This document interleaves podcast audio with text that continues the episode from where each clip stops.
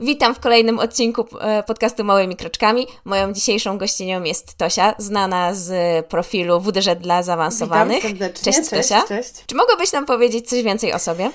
No dobrze, więc ja jestem z pierwszego wykształcenia psycholożką i jestem e, w praktyce psycholożką szkolną, bo, bo tak chciałam, żeby tak było. Chciałam pracować z młodzieżą i tak się dzieje właśnie.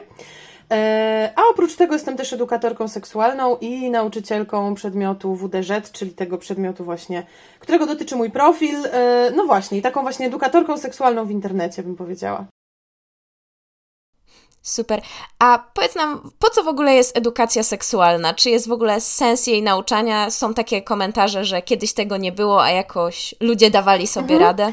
E, kurczę, no to, na to pytanie można odpowiedzieć w sumie na kilka sposobów. Ja mam też taki post o tym, który mówi, dlaczego edukacja seksualna pojawiła się akurat w XX wieku, że to nie jest jakby przypadkowe, bo różne wyzwania takie światowe, medyczne, polityczne nawet, e, które się akurat wtedy pojawiły, jakby wpłynęły też na to, że ta edukacja była wtedy bardziej potrzebna niż, e, niż jakby wcześniej, ale też ja bym powiedziała, że to nie jest tak, że edukacji seksualnej wcześniej nie było, bo, bo ona jak najbardziej była, tylko na pewno nie była w takiej formie, jak teraz o niej mówimy, ale bardziej w takiej formie może wychowania seksualnego, tak? Kiedyś było w ten sposób, że jeżeli e, ludzie się wychowywali w większych rodzinach, w większych ilościowo i też jakby więcej pokoleń razem żyło, więcej dzieci przecież też e, w ramach jednej rodziny się rodziło, to ta edukacja seksualna działa się po prostu w życiu, tak? Bo myśmy obserwowali e, bardzo często naszą własną mamę w ciąży, w połogu, potem w, w opiece nad dziećmi e, małymi i tak dalej, i tak dalej. Myśmy tą wiedzę jakoś zdobywali też od społeczności różnych, tak? Już tak jakby nie, e, nie jestem historyczką, ale mówię o różnych, różnych czasach, tak? Ale jakby tą wiedzę się na różne sposoby zdobywało, e, więc to nie jest do końca tak, że edukacja seksualna to jest jakiś wymysł, nie wiem, e, ostatnich iluś lat, bo, bo powiedziałabym, że, że właśnie ona zawsze w jakiejś formie istniała, bo ludzie się dowiadywali po prostu na tematy związane z seksualnością. E, a to, że on akurat teraz jest i to, że gdzieś tam y, ja uważam i nie tylko ja, że jest bardzo potrzebna, no to wiąże się też z różnymi wyzwaniami tego XX czy XXI wieku, ale też jakby z tym, że po prostu w ogóle edukacja idzie do przodu, tak? I w ogóle nasza wiedza idzie mocno do przodu.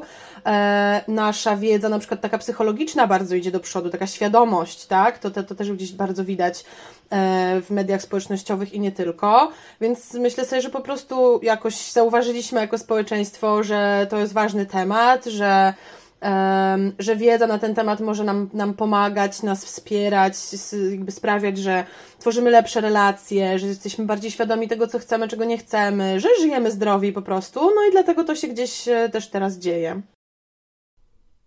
Mhm. Super. A powiedz mi, w takim razie, bo wspomniałaś właśnie o tym, że wcześniej no to dzieci jakby tak były stałym elementem tego, tak? Że właśnie miały częstszy kontakt z mamą w połogu, w ciąży i w ogóle. A obecnie jak w sumie zacząć edukację najmłodszych i kiedy powinniśmy mhm. zacząć? No tak trochę bazując na tym, co powiedziałam, no to edukacja seksualna po prostu istnieje, tak? Jakby nawet jeżeli my nie jesteśmy świadomi, nawet jeżeli jakoś nie zakładamy sobie, będę edukować seksualnie swoje dziecko, no to nasze dziecko się rodzi, e, i jakby wchodzimy z nim w relacje, pielęgnujemy je, tak? Zmieniamy mu pieluchę, kąpiemy je, ubieramy i tak dalej, mówimy coś do niego o jego ciele, potem karmimy je, tak? Potem gdzieś tam się zaczynają inne wyzwania. Mam, mam tutaj na myśli, nie wiem, e, rozszerzanie diety, czy odpieluchowanie. To są wszystko rzeczy związane z seksualnością, z ciałem, z relacją itd., tak itd. E, I nawet jak nam, nie wiem, mamy takie założenie, że edukacja seksualna jest fej, nie chcemy tego robić, to i tak to robimy. Ups. do, to, do wszystkich przeciwników, tak?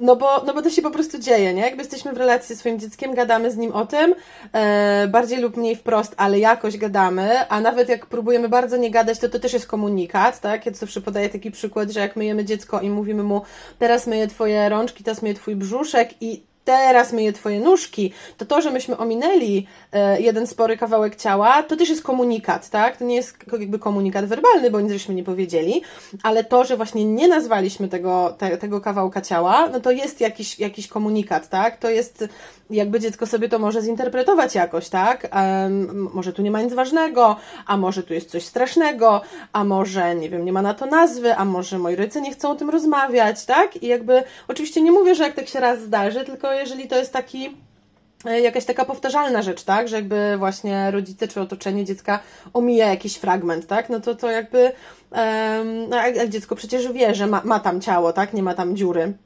Yy, tak w sensie, że ciało się urywa, tak? I zaczyna znowu, więc um, no, no więc to też jest istotne. Yy, I się pogubiłam z, z pytaniem. No właśnie pytałam się o to, Ach, kiedy, kiedy powinniśmy wprowadzać no edukację, jakby, tak. No w sumie moja odpowiedź jest, nie da się nie zacząć, tak?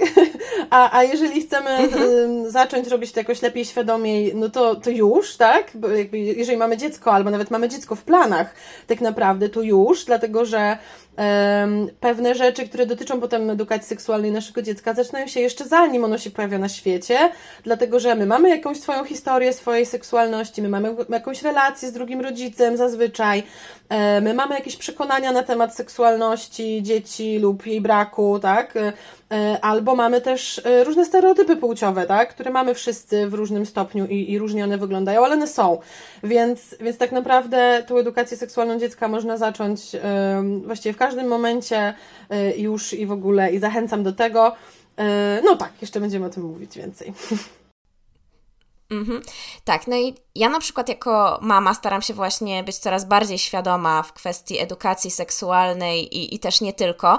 I im bardziej się zagłębiam w ten temat, tym na przykład jestem przerażona tym, jak dużo na przykład się też seksualizuje dzieci, na przykład wciskając je e, właśnie, nie wiem, w jakieś takie ubranka, czy, które teoretycznie bardziej są dla dorosłych, typu, nie wiem, kabaretki, tak, dwuczęściowy strój, żeby to wyglądało bardziej kobieco, dorośle. I moje pytanie, jak też chronić dzieci przed taką nadmierną seksualizacją ich, zarówno jako rodzice, jak i też po prostu osoby, które no, gdzieś są tam obok i widzą takie sytuacje. No to bym powiedziała, że kluczem jest właśnie ta świadomość i wiedza, nie? Czyli w ogóle jakby wiedza wiedza tego, co to jest seksualizacja, że to jest właśnie y, jakby traktowanie dziecka tak, jakby jego seksualność była dorosła. To taka w sumie moja definicja, ale mi się wydaje, że jakaś w miarę, w miarę zrozumiała. Albo jakby um, ocenianie drugiej osoby na podstawie jej atrakcyjności takiej seksualnej, tak? Już tak wąsko mówiąc. E, I rzeczywiście taka seksualizacja dzieci się odbywa na różne sposoby. To, to mogą być też ubranka z takimi napisami jak dla dorosłych, nie? Typu, że tam nie wiem, jakby bodziak dla chłopca z jakimś tam napisem, że to będzie jakiś łamacz kobiecych serc, tak? Albo coś takiego. E, albo też w opisie relacji dziecięcych, tak? Kiedy już, już nawet y, dzieci e, różnych płci, jak się bawią na etapie bycia dziećmi w żłobku, tak? To to czasem y, rodzi komentarze, że o, tutaj narzeczona, narzeczony, albo teściowie, tak? Albo że tu trzeba uważać, ha, ha, ha, ha nie? Że jakby narzuca, jakby wsadza się te dzieci w ramy takie, takie dorosłe, e, i jakby to rzeczywiście gdzieś tam się, się zdarza. No więc myślę, że najważniejsze jest to właśnie, żeby być tego świadomym, i e, jakoś no samemu na to zwracać uwagę, tak? E, nie wiem, pewnie, pewnie jak ktoś bardzo mocno jakoś w takim otoczeniu wyrósł, wychował się, to może być mu trudno, żeby nigdy nic takiego nie powiedzieć, nie? Ale to też nie o to chodzi. Można się jakoś zorientować, poprawić, nawet, nie wiem, nawet można powiedzieć jak, nie wiem, starszemu dziecku, że a, nie podoba mi się to, co powiedziałam, nie? W sumie to, to nie chciałam tak powiedzieć, nie? Jakby wolałabym powiedzieć tak i tak. Um, no i myślę sobie, że jeżeli czujemy się na siłach, tak, no to czasami reagować na to, co otoczenie mówi, tak, e, jeżeli, jeżeli to się gdzieś tam pojawia. E, tutaj też nie chodzi mi o to, że musimy walczyć ze wszystkim e, i ze wszystkimi, bo bo myślę sobie, że to nie jest konieczne. Jak mówimy o małych dzieciach, to nadal rodzice, opiekunowie mają absolutnie największy wpływ i jakby e, no największy, najwięcej czasu też spędzają razem, więc ten wpływ jest największy. Więc nie chodzi o to, żeby jakby uchronić dzieci przed wszystkimi, tak, jakimiś nie wiem, sygnałami czy wpływami, które uznajemy za szkodliwe, ale myślę, że nasza jakaś taka e, no po prostu świadomość tego to już jest naprawdę bardzo dużo.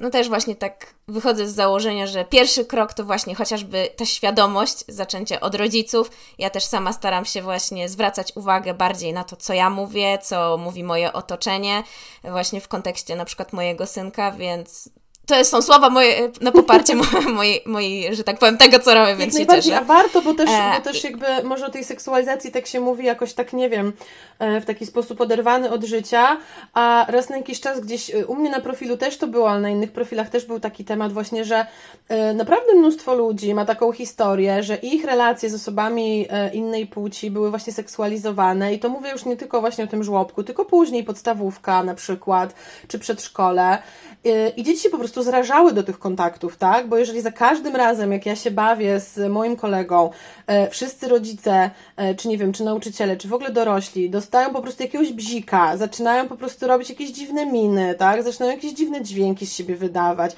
że ho, ho, ho, ho, że hu, hu, hu, hu że oj, oj, oj, prawda? To to jest po prostu irytujące, to jest krępujące w którymś momencie, więc naprawdę są historie dzieci, które po prostu przestały się e, razem bawić, E, są osoby, które dopiero w dorosłym wieku, na studiach albo nawet później przełamywały się w ogóle do jakichś takich koleżeńskich relacji z osobami innej płci. I to jest po prostu straszna szkoda, nie? No bo jakby te osoby jakoś tracą jakieś wsparcie, e, no, przyjaciela, przyjaciółkę, tak? Jakąś taką też wzbogacającą perspektywę, więc naprawdę to nie jest tak, że to sobie coś edukatorzy, edukatorki wymyślili, tylko naprawdę to jest tak, że to jakoś po prostu ludziom utrudnia, nie? Rozwój, tak? Dzieciom naszym. Mhm, zgadzam się. Ja na przykład pamiętam z czasów takiego, powiedzmy, takiej podstawówki, gdzie no raczej no, się zajmowałam wieloma różnymi rzeczami, niekoniecznie, że tak powiem, polowaniem na chłopaków. I na przykład pamiętam, że mój dziadek co jakiś czas się mnie pytał, no czy już się ktoś pojawił, czy ja się już w kimś zakochałam. No i no było to dla mnie strasznie krępujące, bo po pierwsze nie miałam nikogo takiego, tym bardziej kto by odzajemniał moje uczucia, a na dwa, że też no dziadek, z którym nie byłam nie wiadomo jak blisko, zadaje takie pytania. Więc no zdaję sobie z tego sprawę, jakie to, to może być. No i właśnie, jeżeli chodzi też o edukację seksualną, jako dorosła osoba wiem, że jako też ma sens tego, żebym ja się uczyła i stale rozwijała, ale też czy ma sens na przykład powiedzmy takich dziadków, pradziadków, no osoby już no starsze, które można powiedzieć, że albo zakładać przynajmniej, że już nie są tak aktywne seksualnie, czy jest sens w ogóle je edukować, czy nie? Mhm. Znaczy tutaj bym tylko powiedziała, żeby nie zakładać, że nie są aktywne seksualnie, bo... No dlatego też mówię, że tak ewentualnie, tak, nie? Myślę, że, że nie trzeba nic zakładać, jakby człowiek jest istotą seksualną przez całe życie, E, jak ta seksualność się realizuje, to oczywiście może wyglądać na różne sposoby, ale jakby nie, jakoś tak nie odsek, y, nie wiem, nie wiem jak to powiedzieć, ale nie, e, no jakby po prostu zakładajmy, że nasi, nie wiem, rodzice, dziadkowie i tak dalej też są istotami seksualnymi, też to jest jakby jakimś tam elementem ich, e, ich przeżywania siebie, świata i tak dalej i jakby nie wiemy co i jak. No myślę sobie, że to dużo zależy od podejścia, nie? Znaczy, czy po prostu czy osoba chce się edukować, tak? Jeżeli ktoś chce się edukować, to zawsze powiem, że warto, nie? Bo, bo ten czas i tak minie, więc jakby fajnie jakiś tam czas swojego życia prze, przeżyć z jakąś tam wiedzą niż bez, zwłaszcza jeżeli po prostu jej chcemy. E, myślę sobie tylko, że no właśnie, jeżeli ta osoba chce, tak? A jak mówisz o relacjach z dziadkami, no to czasem jest tak, że to rodzice bardzo chcą edukować. W sensie mówię jakby o relacjach w kontekście małego dziecka, tak? Czyli rodzice małego dziecka chcą bardzo edukować dziadków, bo jakby dziadkowie różnych takich rzeczy, o których się teraz dużo mówi, nie wiedzą po prostu, bo było inaczej za ich czasów i tak dalej. I myślę sobie, że to jest tru, trudna bardzo jakby, mm, wiesz, takie nie da się jednoznacznie odpowiedzieć, tak? Bo wiadomo, jak mamy e, rodziców czy teściów, którzy są jakoś chętni, zainteresowani, albo przynajmniej, no żeby przynajmniej posłuchać, tak? Może niekoniecznie, że od razu wszystko wdrażają w życie, bo to pewnie ciężko jest, czy rzadko się zdarza, ale żeby posłuchać, no to jasne, myślę, że warto, tak? Jeżeli to ma być ciągła walka, no to trudno mi tutaj powiedzieć, nie? To każdy musi sobie jakoś sam policzyć e, ewentualne zyski, ewentualne straty i koszty, które musi, które musi ponieść. Pamiętać właśnie, że rodzice nadal są tu najważniejsi, więc to nie jest żaden koniec świata, jak w domu dziecko usłyszy coś, a u dziadków usłyszy coś innego e, bo to jest w ogóle jakby wartość, tak? Że jakby dziecko, żeby zauważyło, że po prostu ludzie mają różnie. E, i że to właśnie nie jest koniec świata. Ba, nawet mama może mieć inaczej i tata może mieć inaczej i dziadek inaczej i babcia inaczej, tak? Czyli to, tutaj też nie musi być jakiejś po prostu magicznej zgodności. E, I można żyć z ludźmi, którzy są inni, tak? Znaczy nie ma wyjścia, bo wszyscy są różni, nie? Więc e, myślę sobie, że trudno tutaj powiedzieć, jak ktoś chce, no to jasne, a jak ktoś nie chce, no to, no to to jest trudne. Oczywiście wiem też, że są osoby, które podejmują taką decyzję, żeby no jakby ucinać ten kontakt, tak? Czy ze swoimi rodzicami, czy, czy z teściami, ponieważ uważają ich wpływ za e, no, jakiś bardzo destrukcyjny, tak? I oczywiście rozumiem, że są sytuacje, w których ktoś, e, ktoś podejmuje taką decyzję i tak, tak wybiera, nie? Więc to, to jest jakoś bardzo różnie. Um, no nie wiem, jakby staram się tu jakoś tak rozumieć różne, różne strony, bo to, bo to jest trudne, nie? Z jednej strony trudne jest um, no widzieć, że jakieś takie rzeczy, tak, że na nasz rodzic, czy, czy właśnie teść, czy teściowa jakoś tak E, no, że ta relacja może nie wygląda tak, jakbyśmy chcieli, czy, czy że ten wpływ nie jest taki, jakbyśmy chcieli. No tylko warto tutaj pamiętać o tym, że my nie jesteśmy odpowiedzialni za relacje dziecka z innymi osobami, tak? My jesteśmy odpowiedzialni za naszą relację z dzieckiem, a nie za relację drugiego rodzica czy dziadków z dzieckiem, więc tutaj też o tym jakoś warto pamiętać. Myślę też, że może warto trochę przekierować tak jakby kierunek, że spojrzeć na to, jak na dziecko to działa, a nie jakie w nas to myśli y, generuje, nie? Bo może być też tak, że mm, nie wiem, tak, gdy właśnie dziadek czy babcia robią coś, co no w nas wywołuje jakiś ogromny sprzeciw, a dziecko jakoś się w tym odnajduje, tak? Więc myślę, że tutaj też może tak, mm, mm, to, to może być jakaś taka wskazówka, żeby spojrzeć na to, jak to dziecku robi, a nie jak to nam robi, bo to nie jest właśnie nasza relacja, nie? E, ale są to, myślę sobie, czasem no, niezwykle jakoś trudne, tru, trudne sprawy, nie? I, I ludzie szukają, a może rozmowa, a może artykuł, tak? Na forach takich, na grupach, na Facebooku też jest dużo takich pytań, tak? Jaką książkę dać babci, czy tam dziadkowi, którzy coś tam, coś tam, nie? No więc, e, no więc jakby fajnie, że ludzie jakoś tam próbują i tak dalej, ale no jest tu bardzo dużo takich czynników, nie? Nasza relacja też z tymi, z tymi rodzicami czy teściami, no i, no i tak, no ale myślę że nie musi być idealnie, żeby dziecko jakoś na tym nie cierpiało, a nawet żeby się po prostu rozwijało. O. Mhm. A no, powiem teraz może to oczywiste dosyć pytanie, ale czy jest, czy brak lub zła edukacja seksualna może jakoś wpływać na dorosłe życie? No tak, to, to, to jest jakby, internet jest tego pełen, że tak powiem, tak? E, ludzi, którzy, znaczy przynajmniej mhm. moja bańka, tak? No bo jak gdzieś tam tą bańkę związaną z edukacją seksualną obserwuję. No i tych historii bardzo dużo przychodzi, nie? Jakby najczęściej to są na szczęście historie już e, z, z napisaną jakby kolejną częścią, tak? Czyli jakby ludzie opowiadają właśnie nie miałem, nie miałem edukacji seksualnej, albo miałem właśnie taką, no nie, nie rozwijającą, niesprzyjającą. E, I moje życie przez jakiś czas wyglądało tak, tak, tak i tak, tak, nie wiem, trudno mi było wchodzić w relacje, trudno mi było w ogóle nawet samemu ze sobą, tak, to jest jakiś taki ważny kawałek, o którym się zapomina, bo nam się ta edukacja seksualna kojarzy z seksem jako z aktywnością, czyli z czymś, co robimy z drugą osobą, a edukacja seks, ogromny kawałek edukacji seksualnej jest o, o mojej relacji ze mną, tak, właśnie z moim ciałem, czy ze mną w ogóle, z, z tym, czy z moimi emocjami, z tym, czy ja sobie pozwalam na przyjemność, czy sobie pozwalam na odpoczynek, czy ja słucham swojego ciała, czy no właśnie, czy jakoś je zmuszam do czegoś i tak dalej, i tak dalej, więc e, więc właśnie ludzie opowiadają ten taki kawałek, jak to wpływało na, na życie, e, no a potem najczęściej jest tak, że opowiadają, no i potem się dowiedziałem, dowiedziałem, że tak, i tu coś, najczęściej coś, o czym się akurat mówi na tym profilu, tak, I to po prostu powoli zmieniało moje życie i powoli zmieniało jakoś moją, moją relację właśnie z ciałem, czy z drugą osobą, czy właśnie e, myślenie, zmieniało myślenie o seksualności, czy rozwoju seksualnym dziecka. E, więc no tak, jak, jak najbardziej, nie? I jakby mm, szkoda, bo to jest też trochę tak, że, że właśnie też pytałaś, czy jakby warto dorosłych edukować. Właśnie warto, i się szkoda, że to jest takie nadrabianie. E, e, w ogóle z jednej strony nadrabianie, a czasem w ogóle jakieś naprawianie, w ogóle od, odkręcanie tego, co gdzieś tam się pojawiło po drodze i układanie tego wszystkiego na nowo. Ja ostatnio na to mówię meblowanie.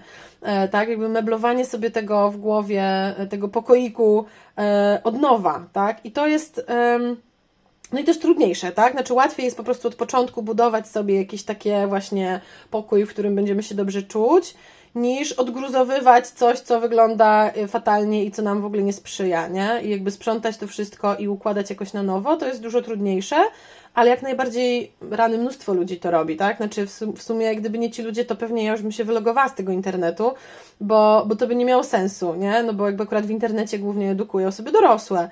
E, więc, więc gdyby to, gdyby, gdybym nie widziała, że to jakoś wpływa rzeczywiście, no to pewnie już bym tego nie robiła, no bo, no bo po co, nie? Mhm. To teraz takie może przewrotne trochę pytanie. Czy edukacja seksualna może mieć negatywny wpływ? Jakikolwiek na aspekty w życiu? No, to się zawiera trochę w tym poprzednim pytaniu, że zła edukacja seksualna może mieć wpływ, tak? No bo. Tak, ale tutaj na przykład mówię o, że tak powiem, dobrej, solidnej edukacji, że jako taki właśnie. Mm, przeciwieństwo tego, co czasami na przykład niektórzy mówią, że edukacja seksualna może w jakiś sposób krzywdzić drugą osobę, dzieci, tak, nie wiem, zmieniać ich w jakieś nie wiadomo co, tak? Czy właśnie taka prawdziwa, porządna edukacja może mieć jakikolwiek negatywny wpływ. No myślę sobie, że tutaj też do definiowania ym, wymaga to słowo negatywny wpływ, tak? Bo to jest trochę tak, jak mi się kojarzy, że ludzie na przykład y, idą na psychoterapię albo na kurs asertywności i oni czują się wspaniale, a ich otoczenie jest bardzo zawiedzione, bo nie są zmiany, na które oni liczyli, które jakoś y, są przez nich pożądane. Więc myślę sobie, że może być taki w cudzysłowie trochę negatywny wpływ, tak? Że jakby osoba e, stanie się jakoś bardziej świadoma różnych rzeczy i będzie jej trudniej w kontakcie ze swoim starym też w cudzysłowie otoczeniem, tak? Bo, bo ona się coś tam dowie, rozwinie, e, jakoś zmieni się jej świadomość, a jej otoczenie e, prawdopodobnie zostanie niezmienne, więc będzie jej trudniej, tak? Więc to na przykład jest w pewnym sensie negatywny wpływ, no bo to jakoś utrudnia E, no, jakby no, pojawia się jakaś trudność, tak, w funkcjonowaniu. Um, o czymś jeszcze myślałam? A, no jakby taka druga rzecz, która mi przychodzi do głowy, no to tak, tak czasami są takie, nie wiem, takie trochę nie do końca na serio, a trochę takie rozkminy, czy łatwiej jest żyć, um, jakby żyć, żyć jak się jest głupim czy mądrym, nie? To głupim i mądrym to też jest tak jakby, mhm. nie? Taki trochę skrót myślowy, że jakby że może niektórzy mówią, że łatwiej jest być głupim, bo, bo człowiek nawet nie wie różnych rzeczy, nie wie czym się nawet może martwić, nie? A jak jest mądry, no to, no to wie czym się może martwić. No ale jak jest mądry, no to też wie, jak może różnym rzeczom przeciwdziałać, nie? Więc tutaj, a to myślę sobie, że też jest taka odpowiedź, którą każdy musi sobie sam jakoś odpowiedzieć, nie? Ale myślę, że jak się wniknie w tą edukację seksualną, no to możemy się rzeczywiście jakoś zasmucić tym, że jest kiepsko, nie? Ostatnio właśnie miałam taką sytuację, że e, prowadziłam lekcję w liceum antykoncepcji, no jakby po, po powiedziałam tak o tych różnych rzeczach, które są na naszym rynku dostępne, no i tak jakby zostało mi parę minut i się pytam, no dobra, to jak myślicie, czy no do, jakby dobry jest ten dostęp w, w Polsce, tak? W sensie, czy to jakby, czy to jakoś myślicie, że to jest wystarczająco dużo tych rzeczy do wyboru? No to no chyba tak, no, no to jest, to jest, no w sumie to, no w sumie to spoko, nie? I ja w ogóle jak zdawałam to pytanie, to, to jakby tak po prostu ich zagadałam, nie? Nie miałam jakiegoś wielkiego wpływu, ale tak mi nagle olśniło, jakby podzieliłam się tym jakby z klasą od razu, że no bo, no bo jakby y, właśnie to jest ta wiedza, nie? Że Polska jest w Europie na najgorszym poziomie, jeśli chodzi o dostępność, y, szeroko rozumianą dostępność antykoncepcji. Y, I jakby no mamy swój osobny kolor, tak? Bo jest tak źle, że po prostu nikt nie ma tak ciemnego, czerwonego, złego koloru na tej mapie, która to pokazuje. I sobie zdałam sprawę z tego, że jakby ci młodzi ludzie nawet nie wiedzą, bo jakby inaczej, nie wiedzą, że jest źle, bo nie wiedzą, jak dobrze mogłoby być, tak? Ja mówię, słuchajcie, są kraje, w których e, w których na przykład osoby poniżej 18 roku życia mogą dostać antykoncepcję i wsparcie ginekologiczne bez zgody rodzica. Są kraje, w których e, no w ogóle taka darmowa, darmowa pomoc medyczna jest bardziej dostępna niż u nas, tak? Jakaś profesjonalna. Są kraje, w których, w których antykoncepcja jest dofinansowana.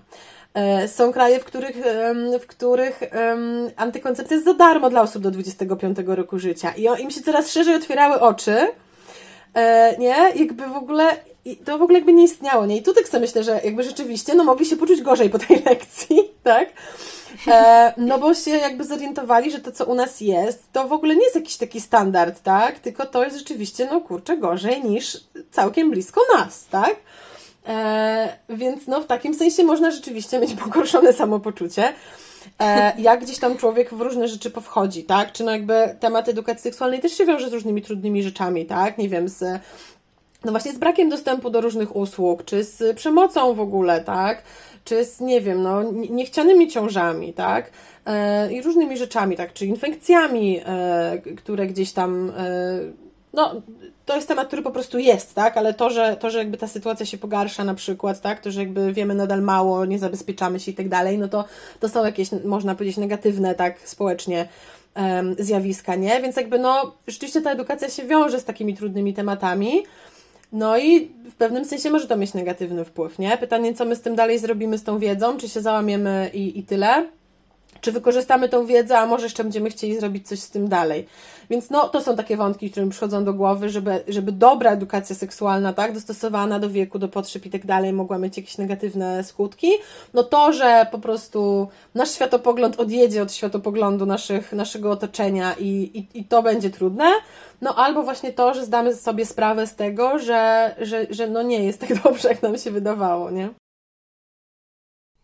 Mhm, no tak, zgadzam się, że właśnie im więcej się wie, tym czasami ma się wrażenie, że jest się bardziej wkurzonym i czasami, że łatwiej było bez tej wiedzy, ale z drugiej strony, no to jest jednak zbyt za bardzo przydatna informacja i wiedza, żeby sobie ją odpuścić, przynajmniej tak moim zdaniem.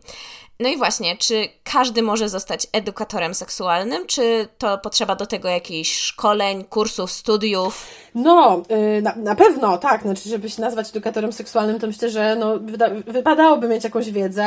My w tym momencie w Polsce nie mamy żadnego jakiegoś takiego ustrukturyzowanego, w każdym razie jakieś procedury, tak? Co trzeba zrobić, żeby móc powiedzieć, jestem edukatorką seksualną. E, no wypadałoby mieć coś po prostu, tak? E, ale bywa, że ludzie bez niczego też się tak nazywają. E, no więc, no więc jak najbardziej, wiedzę, no to koniecznie, ale też jak o to pytasz, to sobie myślałam też o bardziej takich, no nie wiem, takich osobowościowych predyspozycjach albo braku, nie? Bo jakoś moja pierwsza myśl, jak, jak słyszę to pytanie, to jest takie, tak, wszyscy mogą, tak, prawda, jakby edukujmy się, róbcie to i w ogóle. No ale potem mi przychodzi jednak um, jakaś taki sceptycyzm bardziej, czy realizm może e, dochodzi do głosu i myślę sobie, że no, że jednak to jest trudne, tak? Znaczy bycie takim, myślę sobie, właśnie dobrym, cokolwiek to znaczy, tak? Edukatorem seksualnym czy edukatorką, jakoś w moim rozumieniu, jednak no jest trochę trudne, tak? Bo to trzeba mieć rzeczywiście sporo wiedzy z bardzo różnych źródeł, chociaż... Mm, ja chyba bym powiedziała, że wiedza nie jest najważniejsza, bo ta, taka wiedza, w sensie taka, taka sztywna wiedza, tak, że tam taka, nie wiem, a tu liczby jakieś, a tu coś tam. To są akurat rzeczy, które naprawdę można gdzieś tam najłatwiej znaleźć, jak już się wie, czego szukać i tak dalej. E, więc myślę sobie właśnie, że te takie osobowościowe rzeczy grają tutaj rolę jednak, że no w ogóle myślę że trzeba lubić ludzi na przykład tak, jeżeli się chce być takim edukatorem, jak w jakimś takim bezpośrednim kontakcie, nie? No to trudno chyba by było tak, tak nie lubić i, i czy, czy nie lubić jakiejś, nie wiem, grupy wiekowej, tak? Na przykład nie lubić nastolatków i pracować w szkole i, i być takim edukatorem w szkole, nie? Myślę sobie, że no fatalnie, tak? Jak to ktoś powiedział mądry, jakby nie, no nie uczymy się od ludzi, których nie lubimy. Um, no więc, więc to na przykład. No i myślę sobie też właśnie o takiej dużej, że przydaje się bardzo, taka duża tolerancja na, na różnorodność, nie? Takie właśnie to, co ja często powtarzam, że, że hashtag ludzie mają różnie, ale to jest strasznie ważne, bo, mm, bo gdzieś tam ta edukacja seksualna zahacza o tyle rzeczy, które ludzie mają naprawdę strasznie różnie i, i jakby wszystkie te opcje mogą być zdrowe, rozwijające i tak dalej, że czasem wręcz, mając nawet tego świadomość, jest bardzo trudno to wszystko uwzględnić. E, na przykład jest taki temat, tak, nie wiem, e, wczesna, w ogóle inicjacja seksualna, tak? No i gdzieś możemy powiedzieć, że no zgadzamy się pewnie jako edukatorzy seksualni, przynajmniej w większości z tym, że to się nie ma z czym spieszyć, że to się warto zastanowić, że to się warto odpowiedzieć na parę pytań, że, mm, no, że warto, żeby ta druga osoba to była jakaś taka osoba, do której mamy zaufanie, czy jakoś czymś się bezpiecznie z nią, tak?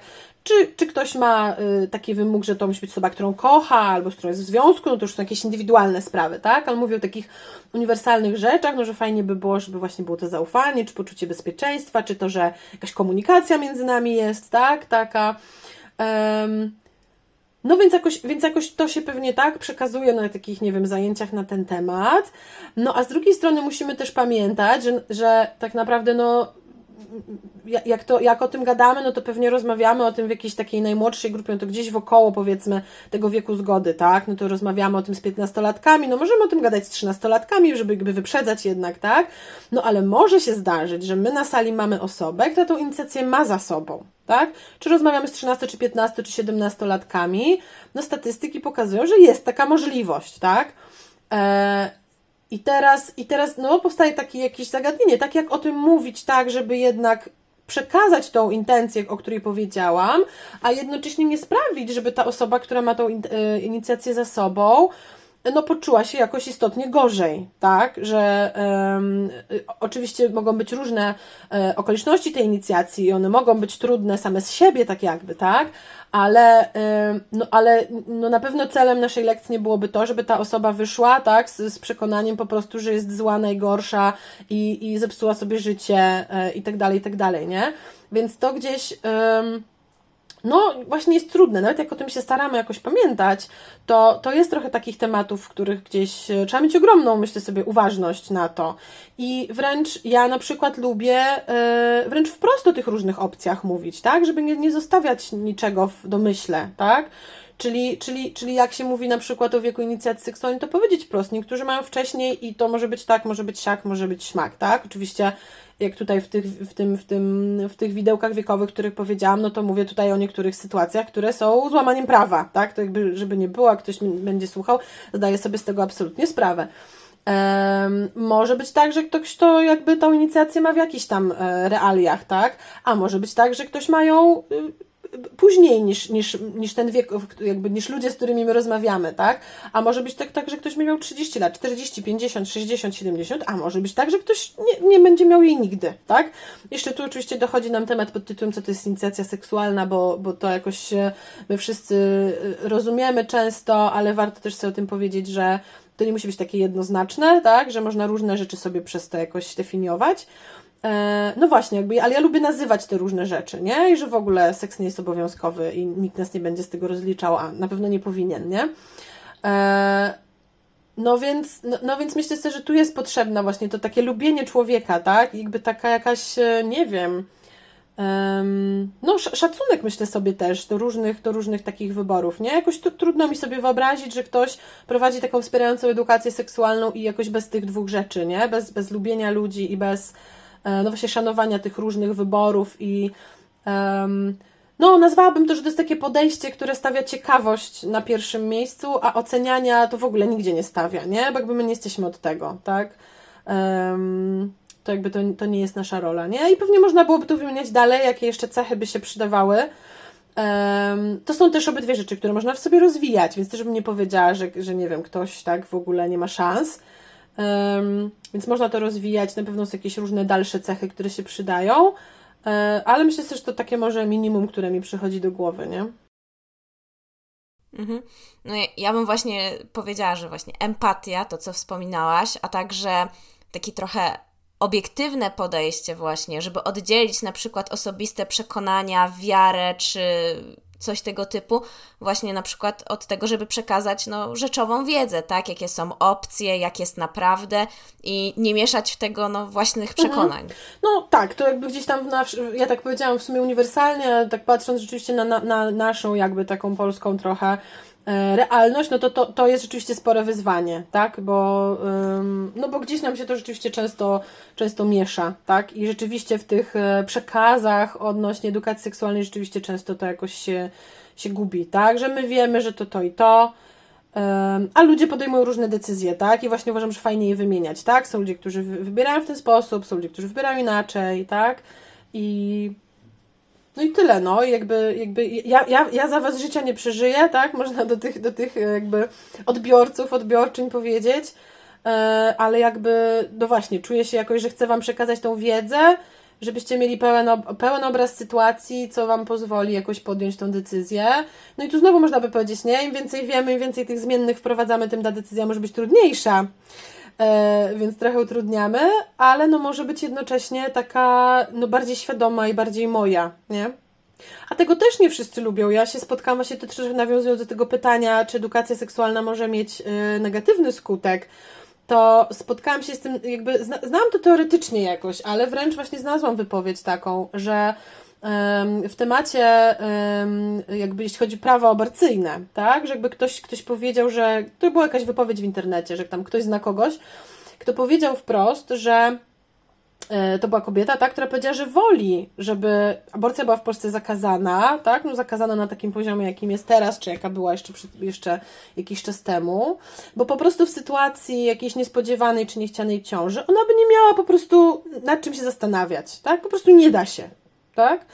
E, a była to osoba wierząca i jakby, jakby po prostu nie da się, to, to, to jakby nie mam innej możliwości, jest to zgodne z moim przekonaniem, jakby z moją wiarą, tak, którą jakoś deklaruję i nie mam tutaj żadnego dylematu. Gdyby to było legalne, no to jakby miałabym trudniejszą sytuację, tak? Bo nie mogłabym już po prostu powiedzieć, dobra, Kościół mi zabrania, ale prawo też mi zabrania, więc nie mam wyjścia. Oczywiście wiemy, że różne wyjścia są, tak? Ale one są trudniejsze w tym momencie, więc, no więc osoba się zatrzymuje na tym poziomie.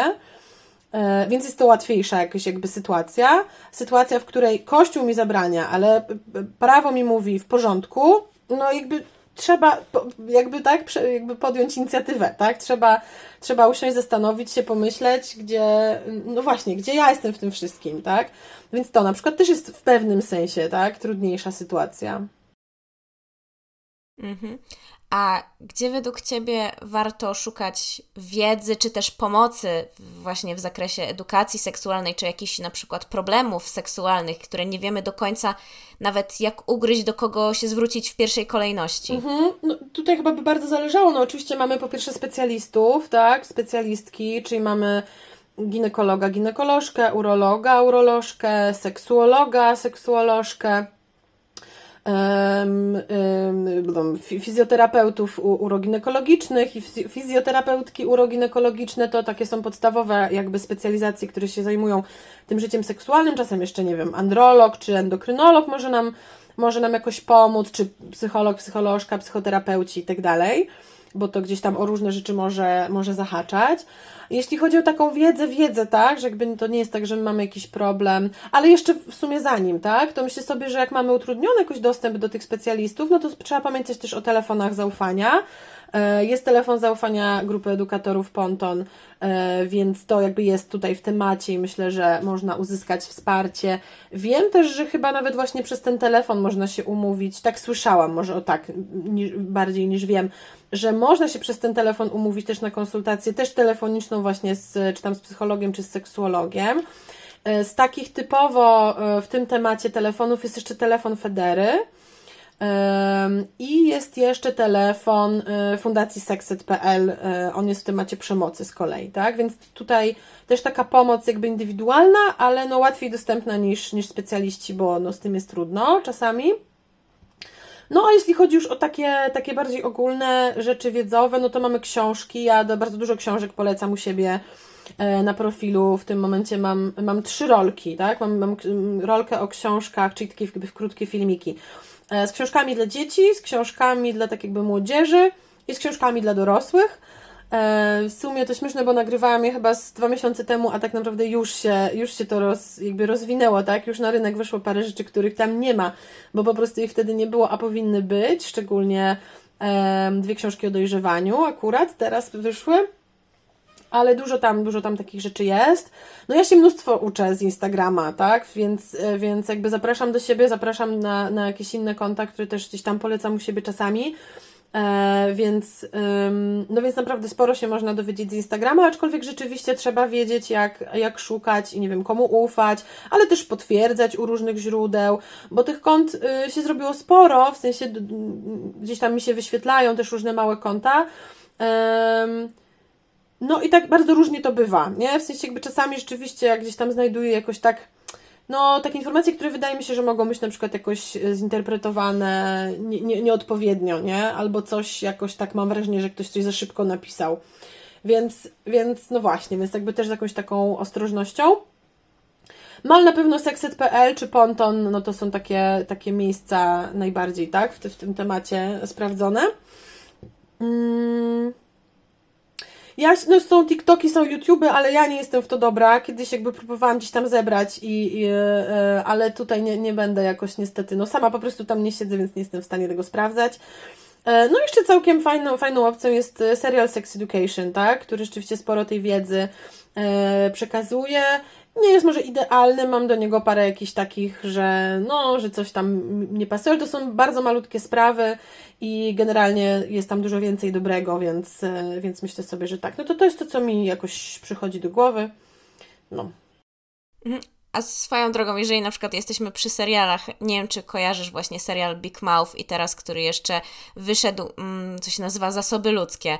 Ja osobiście mam też wiele zastrzeżeń na przykład do kwestii tego, z jaką intensyfikacją są niektóre rzeczy pokazywane, ale według mnie też jest to ciekawe miejsce, żeby jakieś e, tematy chociaż podłapać i żeby później sobie e, się nimi zainteresować. Na przykład właśnie w tym nowym serialu Human Resources, czyli to właśnie te zasoby ludzkie, e, jest też skupiony na tym, że jest kobieta, która ma urodzić dziecko, tak, i właśnie ma depresję poporodową, jak to się też u niej objawia i jak to jest ten proces cały przechodzenia, tak nazwijmy to trochę, do, do pokochania dziecka. Więc uważam, że to też może być fajne, ale no też właśnie, żeby tak trochę z dystansem podejść do wszystkiego. Zasobów ludzkich jeszcze nie obejrzałam, bo to jest całkiem jeszcze świeże, tam jakoś sprzed paru miesięcy, ale Big Mouth obejrzałam jak najbardziej. Eee, ja akurat jestem zachwycona tym serialem. E, ale bym powiedziała, że właściwie tak stricte edukacji seksualnej najwięcej jest w pierwszym sezonie, jeżeli dobrze pamiętam, a potem jest coraz więcej edukacji psychologicznej, która mnie absolutnie zachwycała w tym, w tym właśnie w tym serialu. Ja bym tylko powiedziała, że no to nie jest serial dla wszystkich, dlatego że poczucie humoru jest naprawdę po bandzie, tak? No bo jest wulgarne, E, jakby nie ma co oszukiwać, jest, jest, no jest wulgarne takie, no to nie wiem, no jakby jest taki styl po prostu amerykańskich seriali, takich e, komiksowych, tak, kreskówkowych, które są w takim stylu i no to trzeba po prostu lubić i jakoś e, akceptować, nie? Bo myślę sobie, że jak ktoś ma się krzywić co kilka słów, bo jednak tam są wulgaryzmy i no taki obrzydliwy jest też momentami, prawda? No bo to jednak jest serial o nastolatkach, ale no to jest raczej dla dorosłych, nie? Um, więc, więc no trzeba to jakby lubić, a przynajmniej akceptować, no bo trudno może być przejść do tych takich, e, jakby dojść do tych takich smaczków rzeczywiście właśnie psychoedukacyjnych, jeżeli komuś to przeszkadza. E, dla mnie to jest w porządku i smaczki po prostu właśnie takie psychoedukacyjne, ja po prostu naprawdę oglądałam momentami z szeroko rozdziawionymi oczami, że można było w takiej formie, tak, czyli właśnie w formie kreskówki, która jest, no mówię, wulgarna, obrzydliwa, tak, i tak dalej, i tak dalej, przekazać, tak, czasami głęboką wiedzę właśnie, no mówię, bardziej mnie te psychoedukacyjne później, tak, jakby te postaci związane z lękiem, ze wstydem, z depresją i tak dalej. E, no ja tak, momentami byłam, byłam zachwycona, jak można właśnie zrobić e, metafory jakichś takich śmiesznych e, przeżyć, tak, tych nastolatków do do naprawdę jakiejś takiej wiedzy o, o człowieku i emocjach. To więc jeżeli komuś pasuje taki styl, to ja tak, ten, ten tytuł też polecam. Mam taki post właśnie, skąd, skąd czerpać, on już był dosyć dawno, skąd czerpać wiedzę właśnie um, o seksualności tak dla starszych nastolatków i tam właśnie to, to też jest. Tam jest kilka, e, kilka tych um, profili na Instagramie, jest też kilka kanałów na, na YouTubie. To teraz sobie przypomniałam właśnie a propos tego posta, że jest kilka takich kanałów, które były mm, stworzone przez marki, i one, i, ale je, je to nawet jeszcze z większym takim dystansem trzeba, bo jest jakiś taki kanał, um, hej, czy nie pamiętam nazwy, ale to było sponsorowane przez Durexa yy, i to było w takim trochę stylu takiego ala tele, teleturnieju, yy, quizu yy, i tam sporo tej wiedzy jest, ale też były takie fragmenty no zbyt potoczne po prostu, jakby zbyt potocznie o tej seksualności, jakby um, jakoś tam rozmawiały te osoby, które tam biorą udział. Plus jest jeszcze taki kanał, e, który sponsorowała firma OB, ale jeżeli ktoś jest angielskojęzyczny, nawet w takim średnim stopniu, to jest super kanał, który się nazywa Amaze. I on jest dla nastolatków, on jest też taki graficznie ładny, kolorowy. E, I tam jest, tam jest i strona internetowa super i właśnie jest kanał na YouTubie super. Nie, strona to nie jestem pewna, to mi się chyba z inną myli, ale na YouTubie jest super kanał naprawdę. E, krótkie filmiki, już teraz w bardzo wielu tematach. E, powiedziałam średnio, bo ja też nie jestem taka super pro z angielskiego, oni tam bardzo ładnie mówią, bardzo wyraźnie. I pewnie można sobie też włączyć napisy, więc jest łatwiej. Więc to też jest na przykład fajny kanał. Mhm. A też właśnie to możemy tak nawiązać do tego serialu Big Mouth i tych zasobów ludzkich, no bo w sumie edukacja seksualna no, nie kończy się i, tylko i wyłącznie na kwestii samego seksu, antykoncepcji, tylko są to o wiele większe, szersze tematy. Czy mogłabyś właśnie powiedzieć, czym, właśnie jakie tematy, z jakiego zakresu są omawiane na przykład w ramach takiej edukacji seksualnej? E, no myślę sobie, że takim tematem, który jakoś jak ktoś w tym nie siedzi, to się nie kojarzy, e, a który czasami sobie myślę nawet, że jest najważniejszy, e, to jest kwestia zgody, tak zwanej świadomej zgody. I to jest. To, to czasem, jak już ktoś siedzi z kolei w temacie, to się kojarzy, no dobra, no trzeba zapytać, czy ktoś chce uprawiać seks, ktoś powie tak i z głowy, nie? No i właśnie, no właśnie nie, tak? Znaczy w sensie trzeba zapytać w jakiejś tam formie, ale to jest jeszcze za mało, nie? I na pewno w temacie świadomej zgody jakby zawiera się dużo więcej, nie? Gdzieś mam takie poczucie, że w ogóle ten temat zaczyna się gdzieś w naszej takiej autonomii cielesnej i w tym, czy nasi rodzice, czy nasi opiekunowie i nasze otoczenie w ogóle szanowało, tak? Że jak mówiliśmy, że nie jesteśmy głodni albo że jest nam ciepło i nie chcemy zakładać drugiego swetra, to czy, czy było nam to wtykane na siłę, że jednak nie, bo tam, nie wiem, e, ktoś z naszej rodziny wie lepiej, że jest nam zimno i że jesteśmy jeszcze głodni, nie? E, albo właśnie, czy było nam mówione, że tam przytul babcie, bo i będzie przykro, tak? E, albo czy nam mówiono, że jak, e, nie wiem, kolega mnie ciągnie za włosy, to są takie końskie zaloty i powinna być zadowolona, bo mu się spodobałam, tak? To są wszystko jakby przykłady, które są wokół takiej autonomii cielesnej, nie? Czy jakby my oddajemy tą taką niezależność, decyzyjność no po prostu temu młodemu człowiekowi, E, bo ta świadoma zgoda na tym po prostu się buduje, tak? Bo, bo jak mnie ktoś pyta, czy ja chcę coś, no to ja skądś muszę wiedzieć, czy ja chcę. I to jest tak, że no najczęściej to jest tak, że jakby jakoś moje ciało albo moja głowa mi odpowiadają na to pytanie, tylko że ja właśnie muszę muszę umieć ich słuchać, żeby wiedzieć, co odpowiedzieć. E, plus muszę sobie ufać, że, mm, że to jest ważny w ogóle ten komunikat, który do mnie przychodzi. Dalej, muszę mieć umiejętności komunikacyjne, żeby to powiedzieć, tak? Bo bo strasznie trudno jest powiedzieć nie, a niektórym bardzo trudno jest powiedzieć też tak. E, albo zapytać o niektóre rzeczy, nie? Więc jakby to są takie rzeczy, które krążą wokół tego, to jest właśnie ta autonomia, zgoda i też asertywność, nie? To myślę, że taka, taka triada, która się łączy ze sobą nierozerwalnie, nie, nie E, jest jednym z najważniejszych tematów jakby edukacji seksualnej. No i mamy jeszcze mnóstwo tematów, tak? E, właśnie emocje, rozmowy na różne tematy, wiedza na różne tematy. No jeśli chodzi o tą taką edukację seksualną w wersji WDŻ-owej, no to w ogóle dużo wiedzy o rodzinie, Coś, co też zahacza w sumie o tą triadę, o, o, której powiedziałam, no to na przykład kwestie granic, tak? Na przykład w różnych relacjach, w przyjaźni też na przykład, tak? Na co jakoś jesteśmy gotowi w przyjaźni a na co na przykład już nie, tak? Jakby co jakoś, co jakoś przekracza już to, no właśnie, nasze granice, tak? Bardzo, bardzo modny temat, to taki był temat, który najczęściej był w zeszłym roku szkolnym wybierany, toksyczne relacje, tak? Po czym to poznać? E, jak jakoś w ogóle o siebie zadbać, jak się zorientujemy, że coś się dzieje, tak? Że, że jakaś relacja e, nas nie rozwija, tylko nas zwija, nie? Więc no, ciało pozytywność, taka modna ostatnio, czy ciało neutralność, y, bardzo w temacie, tak? No bo w temacie relacji z naszym ciałem, w temacie seksualizacji w mediach. No, więc jakby tych tematów poza takich wąsko dotyczących seksu jako aktywności jest naprawdę bardzo dużo. Mhm. A co najbardziej lubisz w swojej pracy?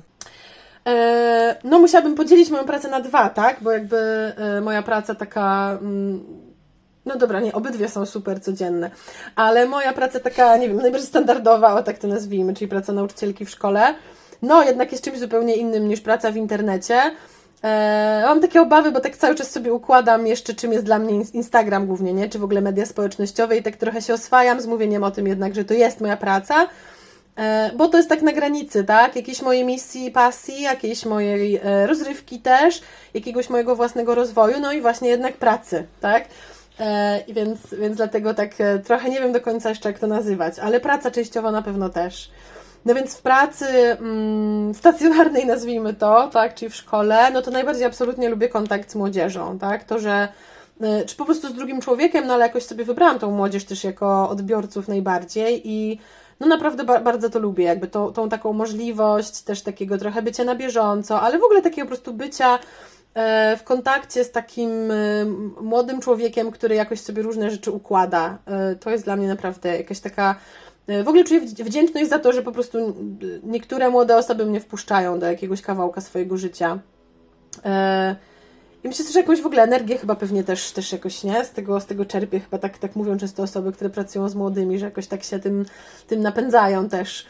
Więc to, to na pewno to, no, jakby taki właśnie bezpośredni kontakt i, i, e, i taką autentyczność, no, bo ja mówię właśnie często, że nastolatki mają radar na nieautentyczność, a ja też strasznie nie lubię, już się, się śmieję, jestem za stara na jakieś udawanie, nie wiem, robienie tego, co trzeba, nie lubię, e, tak, no oczywiście wiem, czasami trzeba, ale, ale tak w jakiejś za, za dużej formie to nie, no, więc, więc jakby bardzo, bardzo to sobie cenię, taki jakoś, jakiś taki autentyczny kontakt, o, tak bym to powiedziała, a co najbardziej lubię w pracy w internecie? E, no właściwie też powiedziała, że też kontakt z osobami, które się jakoś do mnie odzywają, czy też to właśnie, że można mieć no w sumie coś, czego w szkole nie mogę mieć, że jednak mogę mieć szybciej dostęp, jakby, czy jakby dotrzeć z jakąś informacją do większej ilości osób, nie? To jest jednak fajne, bo no bo jakby na, najlepiej byłoby łączyć jedno i drugie właśnie, tak? Czy jakby, no jakby kontakt jakby indywidualny z czymś, czego się nie da jakoś zamienić, tak? Czy jakby podrobić, ale no jakby siłą rzeczy wymaga czasu i tak dalej, jest ograniczony, tak? Więc jakby fajnie jest też móc trafiać do jakiejś większej grupy ludzi z jakąś swoją ideą, czy pracą, misją i tak dalej. I jakby widzieć właśnie, że gdzieś tam to idzie dalej, że ludzie gdzieś tam słyszeli, tak, o, o, o tej edukacji, czy o tym, że ja ją akurat robię. No i tak, no i to, to, to jest jakoś fajne. A, jeszcze jedną rzecz bardzo lubię w, w tym byciu w internecie, że to, że zwłaszcza ostatnio jakoś tak bardziej to czuję, że czuję się coraz bardziej taką częścią środowiska, tak, edukacji seksualnej w Polsce, tak, bo jak się jest po prostu nauczycielem, nauczycielką, no to jeszcze w dodatku zawód nauczyciela WDŻ to jest dosyć samotny, bo zazwyczaj się jest jedynym nauczycielem tego przedmiotu w szkole. Zazwyczaj się jakoś nie zna, tak? No jest też grupa na Facebooku dla, dla nauczycieli, ale jednak no jest dosyć duża taka anonimowość, tak? Bo jest tam dużo osób. A właśnie będąc na Instagramie i gdzieś tam reagując i czasem robiąc różne rzeczy razem z innymi osobami, którzy się zajmują edukacją seksualną, czy w ogóle edukacją e, w internecie, to właśnie daje takie fajne poczucie, że jest się częścią jakiejś społeczności, takiej no mocno rozproszonej, ale jednak, że no, że właśnie jakoś, jakoś, jakoś się jest, nie? I to, to jest fajne. To jakoś jest no, takie przyjemne i daje takie poczucie wsparcia, tak? Że, że jakby co, no to gdzieś tam jesteśmy, tak? I też y, jest taka szansa, że się będziemy wspierać. A co z kolei jest najtrudniejsze w Twojej pracy? w pracy w szkole. Mm, Najtrudniejsze jest chyba to, że przez to, że WDŻ jest e, przedmiotem e, w praktyce nieobowiązkowym, bo teoretycznie szkoła ma obowiązek go e, prowadzić, ale no można na niego nie chodzić tak naprawdę bez żadnych konsekwencji. Czasem jedyne konsekwencje to są zależne od szkoły, typu jakieś, nie wiem, punkty za nieobecności czy coś takiego, w sensie utracone punkty. Ale generalnie no to bez większych konsekwencji można na niego po prostu nie chodzić. Mm, no to jest taka niepewność, tak? Czy w ogóle ile będzie, ile będę miała osób na lekcjach w tym semestrze? A w ogóle, y, a czy dzisiaj się komuś chciało zostać, bo akurat jest ładna pogoda, więc czy im się chciało zostać na tym WDŻ, nie? Um, więc to, to, to jest takie trochę, takie trochę trudne, bo jakby no tak, no jakby, no, no, po prostu, nie? Jakby czy gdzieś tam się przygotowuje do lekcji i tak dalej, i tak dalej, a potem, nie wiem, przychodzi jakoś strasznie mało osób, albo nikt, albo jedna osoba, nie? No to jakoś jest, jest trudne. Um, są oczywiście plusy też z tego, tak? To, że nie przychodzą osoby, które są zmuszone siedzieć, albo to, że nie muszę stawiać ocen, no to są, to są plusy, ale no ma to też swoje minusy właśnie w takiej formie, że no, że nie wiadomo, jak to się ułoży po prostu, tak? Czy komuś się będzie chciało i tak dalej, no bo ja się śmieję, akurat pracuję w szkole, która jest blisko centrum handlowego. No i ja się śmieję, że po prostu trudno mi wy, wygrać czasami, nie? Z McDonaldem, e, lodami i tak dalej, tak? I, i po prostu e, wolnym, tak? Znaczy z tym, że po prostu można sobie zrobić okienko, e, choć się nie powinno, tak? Ale, ale po prostu się wyjdzie wcześniej ze szkoły i no i po prostu, no ile można w tej szkole siedzieć, nie? I, i jakby, więc, no więc tak, to chyba jest największa trudność. A w pracy w internecie największą trudnością są, jak się mówi, algorytmy. Po prostu to, to jest oczywiście frustrujące, tak? Że też właśnie trochę w sumie to jest podobne do tego, co w szkole, no, że człowiek się przygotowuje do jakiegoś posta na przykład i nie jest w stanie przewidzieć po prostu, co się z tym potem wydarzy, tak? Że może być w ogóle post, który właśnie mi się wydaje, że o, w ogóle jaki super, jaki ciekawy, jaki fajny, ważny i w ogóle, a w ogóle nie hula po tym internecie, nie? E, a czasami jest zaskoczenie w drugą stronę, albo to, że właśnie trzeba cenzurować te wszystkie słowa na Instagramie, bo, bo, bo, bo się mówi, że potem on obcina te zasięgi i tak, i człowiek może pisać coś sensownego i jakby, no bo przecież tak, obserwują mnie osoby, które jak rozumiem wyraziły jakieś zainteresowanie moimi treściami, ale to do nich nie dotrze, bo tak, jakiś e, ukryty właśnie algorytm stwierdzi, że, że będzie ukrywał, bo, bo po prostu napisałam słowo seks, tak, i go nie ocenzurowałam. No więc to, to rzeczywiście jakoś jest, jest frustrujące, nie? E, ale no, nadal jak widać, obydwie te rzeczy wychodzą mi na plus, bo jedno i drugie robię i jakby robię z chęcią, a nie z przymusu, więc, więc bilans mi wychodzi na plus. Bardzo mi się podoba to porównanie właśnie do tych algorytmu i szkoły. Bardzo, no, skradł moje serce. Teraz na to wpadłam dopiero. Czy spotkało Cię... No, a powiedz mi, czy z kolei spotkał Cię kiedyś jakiś hejt albo jakieś problemy na przykład ze strony rodziców, e, nawet osób, które no, e, nie wiem, po prostu chodziły do danej szkoły albo jakoś na ciebie natrafiły, że nie wiem, że demoralizujesz ich dzieci, czy cokolwiek tego typu. No właśnie, jakby y, to, to mnie cały czas dziwi, y, że nie bardzo. E, to jest też tak, że no ja nie pracuję akurat w szkołach e, państwowych. Tak wyszło trochę, bo nawet, nawet byłam na rozmowie w jednej szkole państwowej, gdzie była wspaniała E, dyrektorka, której jakby no powiedziałam, jak się, znaczy powiedziałam, że proszę Pani, ale ja będę mówić tak jak jest, nie? E, I może mieć Pani też w związku z tym jakieś nieprzyjemności. No powiedziała, Pani się nie martwi, z rodzicami sobie poradzę. Tam nie, nie współpracowałam z nimi niestety przez e, kwestie takie godzinowe, tak, ustalenia godzinowego nie było to po prostu w końcu do pogodzenia, ale więc to nie jest tak, że jakoś odrzucam szkoły państwowe z jakiegoś ideologicznego, nie wiem, powodu E, tylko tak wyszło. E, więc, więc zdaję sobie sprawę z tego, że ja nie mam jakiegoś takiego, tak, e, mm, reprezentatywnego, tak, jakiegoś wycinka spo, społeczeństwa u siebie.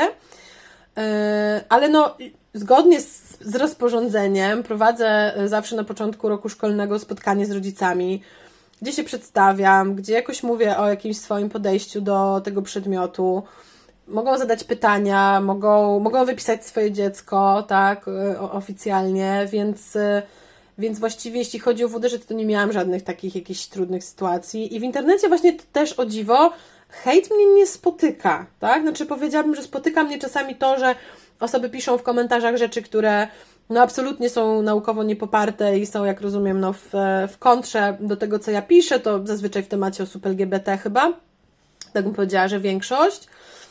I ja jak mam wrażenie, że, że jakaś mi się tam po prostu iskierka nadziei yy, tam tli, że, że ta osoba chce posłuchać, to, to wchodzę w dyskusję. Jak widzę, że nie, to nie i kasuję, dlatego że yy, nie, nie będę swojej, yy, jakby swojego miejsca oddawać na rzeczy, które są po prostu nieprawdziwe i jeszcze w dodatku są krzywdzące. Y, ale taki hejt właśnie, że, żeby mi ktoś napisał, że ale ty głupia jesteś, ale żeby ci się tam, nie wiem, tak, żebyś się wywaliła na skórce od banana i w ogóle niech cię tam, nie wiem, spóźni się na autobus i coś tam, to właśnie nie mam takich, żeby mi ktoś, nie, tak właśnie bezpośrednio hejt, że ktoś mi źle życzy, albo mówi, że jestem taka śmaka czy owaka, to właśnie się nie zdarza. E, I jakoś czasem się zastanawiam dlaczego, czasem mi przychodzą jakieś, nie wiem, domysły do głowy, ale tak w pełni to właściwie nie wiem, nie? No bo jakby w sumie, czemu by nie? Przecież hejtować naprawdę można, można każdego, nie? Ale no jakoś właśnie nie. E, jakoś bałam się tego, jak, jak moje konto rosło już jakiś czas temu, że, że właśnie będzie tego więcej, ale nadal to nie przyszło, więc nadal, nadal proszę mnie udostępniać, nadal moje konto może rosnąć, bo jeszcze nie ma hejtu, więc sprawdźmy, jak daleko da się to zrobić. Dziwna reklama. To może też właśnie ty, może taki pozytywny z kolei aspekt, że nie wiem, że właśnie bardziej wyedukowane jest coraz bardziej tolerancyjne społeczeństwo i też widzi, że potrzeba e, takich zajęć, więc mo może jest jakiś właśnie promyk nadziei w tym, że, że to nie jest jakiś tam po prostu kwestia bańki. No właśnie, raczej myślę, że, że raczej w drugą stronę, no bo jakby, no nie oszukujmy się, no, że nagle 100% internetu jest wy, wyedukowana, więc raczej, raczej właśnie jak były jakieś takie komentarze właśnie skrajnie niezgadzające się z tym, co ja piszę, to starałam sobie właśnie też tak tłumaczyć to, że że wyszłam z bańki, nie? Że to jest jakiś plus, że moje, moje jakoś tam materiały wyszły szerzej i dotarły do osób, dla których e, no, są czymś nowym, tak? Tak to nazwijmy, nie? Więc, e, więc jakby jest rzeczywiście taki plus wtedy i możliwe, że właśnie tego hejtu jest mało, bo jestem w tej bańce. E, być może, tak? Ale jak najbardziej też nie uważam, że tworzenie dla bańki jest czymś złym, bo bo jakby bańkę też trzeba wspierać i bańka też się chce rozwijać, więc rozwijajmy się razem i to też jest spoko, jakby uwielbiam moją bańkę. Sama do niej należę, więc też, też polecam. Tak, no i moje już ostatnie pytanie, bo już rozmawiamy prawie godzinę, e, jest takie ogólne. To jest pytanie, które zadaję każdemu z moich gości czy gościń. W sumie więcej miałam gościń, póki co tylko jednego mężczyznę, jeżeli chodzi o wywiady. To jest jaką, jakbyś miała wskazać jedną rzecz, w której najważniejsze jest dążyć małymi kroczkami, to co to by było? Mhm. Um, no najpierw to sobie pomyślałam, że rany chyba wszystko. E, ale oczywiście będę się starała to odnieść do tego, o czym mówimy. E, więc bym powiedziała właśnie, że edukacja seksualna w takim sensie, że czasami bywa tak, że ludzie jakoś właśnie, no już są zainteresowani tą edukacją seksualną, jakoś widzą w niej sens i widzą taki ogromny rozdźwięk pomiędzy tym, jak byli wychowani i co mają w głowie też, tak? Czy co mają w emocjach, jak, jakby jakie rzeczy im się jakoś pojawiają, a tym, co jakoś widzą u mnie, czy chcieliby tak, tak jakoś patrzeć na świat, czy na ludzi, i myślę, że to czasem może być dołujące, nie? Że po prostu ta przepaść jest tak ogromna, tak? Że jejciu, mi mówili to, e, a o tym w ogóle nie mówili, a o tym to nie wiedziałam, a po prostu tu jestem pozamykana w tylu tematach, wstydzę się tylu rzeczy e, i tak dalej, i tak dalej, nie pozwalam sobie na różne rzeczy, a nagle widzę, że po prostu można inaczej, nie? Że można mówić o tych rzeczach i ludziom, nie wiem, tak? E, głowy nie wybuchają i włosy na rękach od środka nie rosną, nie? I że w ogóle, i że w ogóle to jakoś, jakoś, jakoś się wydaje, że to chyba człowiek się lepiej z tym czuje, nie? Jak jakoś tam ma jakoś, nie? I myślę, że można mieć takie poczucie, że ta droga jest tak strasznie daleka, nie? Od tego, gdzie ja jestem, a gdzie bym chciała być i gdzie widzę, że można być. I myślę sobie właśnie, że tutaj warto jakoś pamiętać o tym, że to naprawdę się może odbywać małymi kroczkami, E, ja w ogóle uważam, że to jest w ogóle niesamowite, że ktoś podejmuje taką decyzję, że chce jakoś inaczej niż był wychowany, albo właśnie chce swoje dzieci wychować jakoś inaczej niż sam został wychowany. I że to jest w ogóle. Ja jestem naprawdę zawsze pełna zachwytu, podziwu i po prostu e, gratulacji dla ludzi, którzy tak decydują się. I myślę sobie, że nawet jak tam zrobią jakiś mały kroczek, to to jest ogromny sukces bo coś już ułatwią swoim dzieciom, coś, coś już im dadzą więcej niż mieli, a trudno jest bardzo dać coś, czego nie mieliśmy, tak? Bo najpierw sami sobie to musimy dać, tak jakby, żeby móc to dać komuś innemu. A to jest bardzo trudne, no bo musimy tak jakby troszkę zbudować coś z niczego, tak? Jakby troszkę budujemy z tego, co mamy, troszkę bierzemy od innych, troszkę sobie to układamy jakoś na nowo i to jest trudne i to jakby musi się dziać powoli, nie? Eee, że najpierw jakiś temat, najpierw jakiś temat, tak? Dlatego też na przykład raz na jakiś czas i też właśnie miałam post o tym, że właśnie zorientowałam się, że E, no większość chyba edukatorek, ale też ginekolożek, seksuolożek w, na Instagramie używa słowa cipka, tak, na te typowo żeńskie narządy płciowe. I zawsze to budzi mnóstwo emocji, tak, jakby mnóstwo reakcji, że no nie, dla mnie to jest zbyt wulgarne, a mnie się to kojarzy tak, a mnie się to kojarzy siak i w ogóle. I też miałam czasami tak, yy, tu się przyznam, że jakoś mi to złościło, tak, o rany, no już mówmy cipka, już weźmy, zostawmy to wszystko, już ustalmy, tak, to też jest słowo, które ja prywatnie lubię akurat, tak, ale też nie zawsze lubiłam, więc, więc też jestem w stanie to zrozumieć tak? Ale już mnie to męczy na zasadzie, no jak się zgadzamy, że trzeba gadać o tej seksualności, no to gadajmy to już, ja powiem cipka, ty mów jakoś inaczej, ale już nie roztrząsajmy tego, czy, czy komu się to kojarzy z czym, nie? Tylko idźmy do przodu. Ale właśnie w którymś momencie jakoś się zatrzymałam na tym, że e, i takie głosy jakoś tak do mnie właśnie do, do, dotarły też, jakoś tak chyba może między wierszami, że właśnie te osoby, które odbierają to słowo wulgarnie, czują się jakoś odrzucone przez to, środowisko, tak? Znaczy ja mówię o ich wrażeniach, tak? Że tu ktoś mówi cipka, tam ktoś mówi cipka, że jest takie wrażenie, że jak ja nie mówię cipka, bo uważam, że to jest słowo wulgarne, to to ja jestem jakiś zacofany, tak? To ja się w ogóle nie nadaję do tej całej edukacji seksualnej. No nawet głupiego słowa nie mogę powiedzieć, bo mi nie pasuje, nie? No więc właśnie zrobiłam taki post, że naprawdę nie musisz tak mówić, nie? W sensie możesz edukować seksualnie swoje dziecko, czy sam, sama się rozwijać i nie mówić tego słowa, mówić jakoś inaczej. E, I to bym właśnie nazwała też takim małym krokiem, nie? Że e, w ogóle tutaj część, niektóre artykuły takie z zakresu edukacji seksualnej czy seksuologii tu się ze mną nie zgadzają, ale ja powiem, a mów nawet brzoskwinka, ale mów. Nie? Mnóstwo z takich artykułów, że a, że to nie jest brzoskwinka, to nie jest muszelka, to nie jest coś tam, coś tam. Ja wiem, że nie jest, oczywiście, że nie jest, ale jak mam do wyboru, żeby ten rodzic nie mówił nic, albo żeby nawet mówił tą cipkę, ale po prostu, wiesz, po prostu czerwieniąc się, jąkając, albo na takim wkurzu po prostu, że kazali mi tak mówić, nie? To ja naprawdę myślę, że lepiej powiedzieć brzoskwinka po prostu na luzie, tak? Wyjaśnić temu dziecku, że nie mówimy o owocach, że może, może, żeby wyjaśnić, że może to nie jest powszechne słowo, tak? Że może ja tak byłam wychowana i mi jest tak najwygodniej mówić, że to jest takie nasze może domowe słowo, że są inne słowa, którymi się może dogadasz ze światem łatwiej i tu są takie, takie słowa i wymienić je raz na jakiś czas, ale używać tej brzoskwinki nawet na co dzień, tak? Bo już naprawdę nie przesadzajmy, mm, jak nie będziemy mówić nic, albo jak będziemy właśnie mówić na jakimś takim ogromnym po prostu przejęciu, no to to jest naprawdę niefajny przekaz potem, tak? Że dziecko ma poczucie, że ma po prostu między nogami jakąś po prostu dziwną rzecz, o której nie można mówić, albo o której właśnie, nie wiem, tak? Drży nam głos albo cokolwiek, tak? To jak nam tam coś się zacznie dziać, to myślę, że trudno jest wtedy pójść do lekarza, tak? Albo w ogóle nie, nie umiemy nic powiedzieć u lekarza, tak? To możemy powiedzieć, że tam, no okej, okay, to możemy tak powiedzieć, nie? A myślę sobie, że naprawdę jak pójdziemy do lekarza i powiemy, że nas swędzi brzoskwinka, to ten lekarz się, się sobie poradzi, tak? No może się pochichra, może nawet komuś opowie to potem, no niech mu będzie, tak? Niech się pośmieje. Ale, ale no rozwiążemy swój problem. Jak będziemy po prostu mieli poczucie, że stąd ta brzoskwinka to jest takie część ciała, może, może, można o nią dbać, można z nią, z nią chodzić do lekarza, do lekarki i tak dalej, i tak dalej. Naprawdę myślę sobie, że to jest dużo lepsza wersja, nie? I potem łatwiej na tej brzoskwince, że tak powiem, budować jakieś inne słowa, które może sobie ta młoda osoba potem wybierze, tak? Bo pozna inne i może inaczej będą się jej kojarzyć, niż, niż nie mieć nic na początku, nie? Albo jakiś właśnie taki, taką, nie wiem, jakieś słowo nawet, które jest poprawne, ale po prostu jakoś jest obarczone takim jakimś po prostu emocjonalnym ładunkiem, że, że człowiek się denerwuje, jak nawet myśli to słowo, nie? Więc myślę że to na przykład jest taki krok, nie? Na, oswajać różne słowa, nawet słowa, które nie są teoretycznie jakieś super poprawne i promowane, ale je mówić, nie? Żeby po prostu gadać o tym, nie? No, więc myślę sobie, że tak, że jakby to, wiesz, że, że te małe kroczki to pewnie pasują do wszystkiego, a przynajmniej do edukacji seksualnej jak najbardziej tak.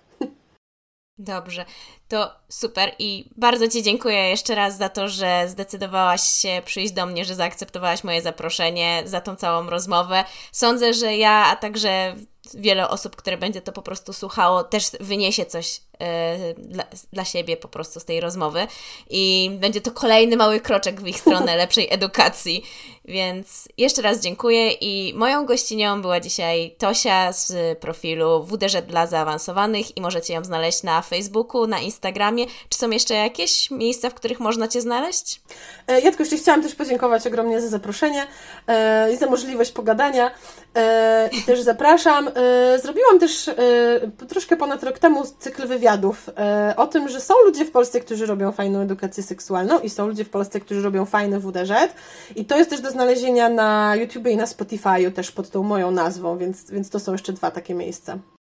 Na Google Podcast też jest, bo w ramach przygotowania tak. do naszej rozmowy właśnie przesłuchałam sobie te, cały cykl podcastów, więc wow, też wiem, okay. że jest. Tak, no chciałam się jak tak. najbardziej przygotować. Okej, okay, to, to wow. Yy, I tak, tak, no na wszystkich tych, tych platformach, tak, to, to prawda. One się tam jakoś po prostu same dodają już do tych innych, których ja nawet nie znam, tak. Dobrze, no to jeszcze raz dziękuję i mam nadzieję, że jeszcze się kiedyś usłyszymy, czy spotkamy, czy to napiszemy sobie może na Instagramie. dziękuję i zapraszam.